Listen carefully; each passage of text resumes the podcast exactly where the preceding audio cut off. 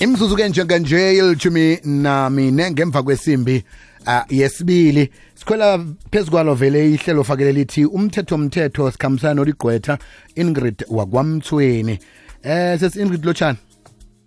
Lotshani ninjani? Sikhona siyathokoza ukuthola ithuba yokucocisana nawe namhlanje. Hayi ngiyabonga ngiyabonga ukuthi ningibizile yeyi sikubiza nje sikubiza kuumbisi ba ukuthi ke sihladluleke la ngendaba yomthetho nangubaba uzisile emapholiseni wathi yeyi bakwethu ningase nithinga lena lena le ngimo wacima amakhemera nakuza kubulawa Mm. eh, utebuho eh kulingamanwa ukuthi ke kubalekiswe uthabo besta manje ke sifuna ukuthola ukuthi umthetho uyamzwela umuntu ovela ngaphambili athi eh, ninga ningoni impetrol nidumisa imveni niya phasi phezulu nifuna ama investigator phasi phezulu. Nangumina ngimo wacimako. Uyazweleka umuntu onjalo? Mm.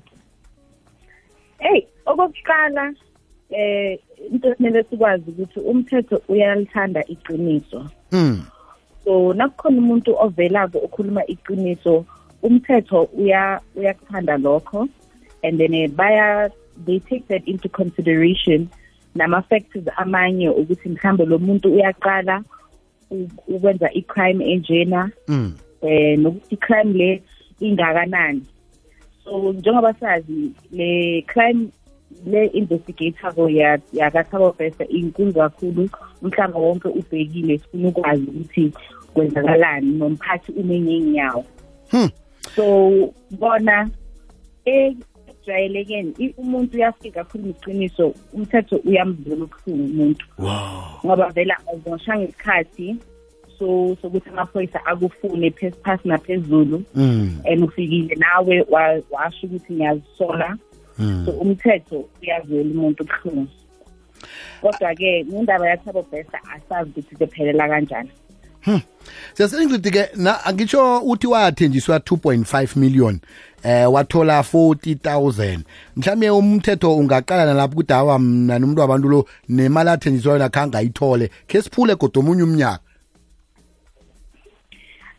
Um njengoba sengishilo bayobheka i-personal circumstance yakhe. Mhlambe lo muntu uyahlupheka asazi. Mm. bazobheka ukuthi mhlambe ubaba wasendlini kumele asupport ayise abantwana esikoleni and mhlambe yiyo le le- le- ma-circumstances lawa enze ukuthi a-decide ukuthi uzo-committa le crime lenjeni Mm. so yena bangamzwela ubuhlungu kodwa mawukhomithe i-crime ukhomithile i-crime Mm. angeke phela ungahlali ejele kona kumele uye ejele kodwa mhlambe nabamgweba angeke bamgwebe njengalaba labanye labasabile Mm. babaleka bakhuluma amanga until iqin- iqiniso seliphuma so vele khona into bathi ama-factors of uh, mitigating factors. So nawukhuluma iqiniso bayalibheka iqiniso lakho. Kena bababheka baba azwela ubuhlungu nani bese awukanjalo Hmm. kunendaba ezikhanje ezikhambe zikhulunywa endleleni la estradini ukuthi awa eh amagcwetha afana njengabo ses Ingrid athi nakakhulumisana nawe athi no wena vuma umlando. Eh nanyana ungakayenza into leyo uvuma bese ke into le idlule ubethwe angeze iswazi libe buhlungu khulu na uvumileko iqiniso kangangani nje into leyo ukuthi eh amanye wamagcwetha akuvumisa into ongakayenzi. Khona eh azakudlula begodwa umlando ukuthi wehle ungasa eh, isigwebo singasafani nalokha ungakavumi uthome waphika waya phasi phezulu. Hayi njengoba sengishilo um- umthetho uyawathanda iqiniso. Nangaba wenzanga into angeke mina ngim-advise umuntu ukuthi avume. Mm. kungcono sisebenzisane ukuze siyiprove i-case yakho.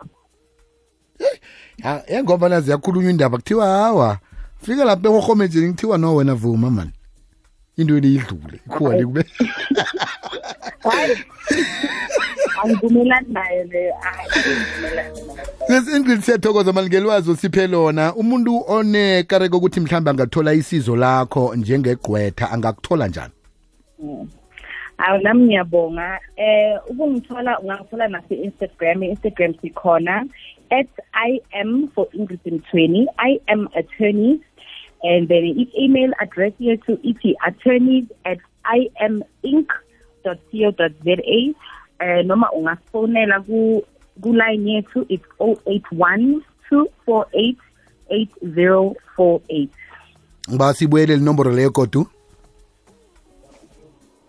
ithi 081 mhm. 248 8048 sesi ingrid siyathokoza khulu kwamambala um ungadinwe nangomuso nasikubizako usabele? Ngiyathokoza nami. Sithokoze khulu kwamambala besikhulumisana no-ingrid wakwamthweni oligqwetha. Sicoca nganasi indaba katebuho liphulu onguye ekwasetshenziswa yena namtshana umzimba wakhe ukuthi-ke kubalekiswe uthabo bester. Manje-ke sikhulumisa ukuthi umthetho uyakuzwela na? Uzwileke ukuthi umthetho na ukhuluma iqiniso begodwa uzisile. Kuba ngconywana iswazeli alibi buhlungu njengalokha kukoniwe impetroli abantu akhabalale kwathiwa kufunanwa nawe phasi phezulu. Ukuba semkhanyweni ukuba nelwazi ikwekweziyafela kukhanya ukukhanya. Qobe ngomvulo-ke kuyenzeka lokhu sithi umthetho mthetho kanti kungakhona ukuthi uzitholele lona ihlelo oqeda ukulizwa leli um nawo wonke nje amahlelo wekwekwez FM ulalele ngesikhathi sakho wabelane um nenhlobo nabangani. Ongakwenza ukuthi ulithole yenza nje ungalalela ihlelo olithandako nelikuphundileko ngesikhathi sakho. Ngena kubunzinzolwazi bomrhatsho uthi ikwekwezfm co za usume upodcast bese ukhetha ihlelo olifunako.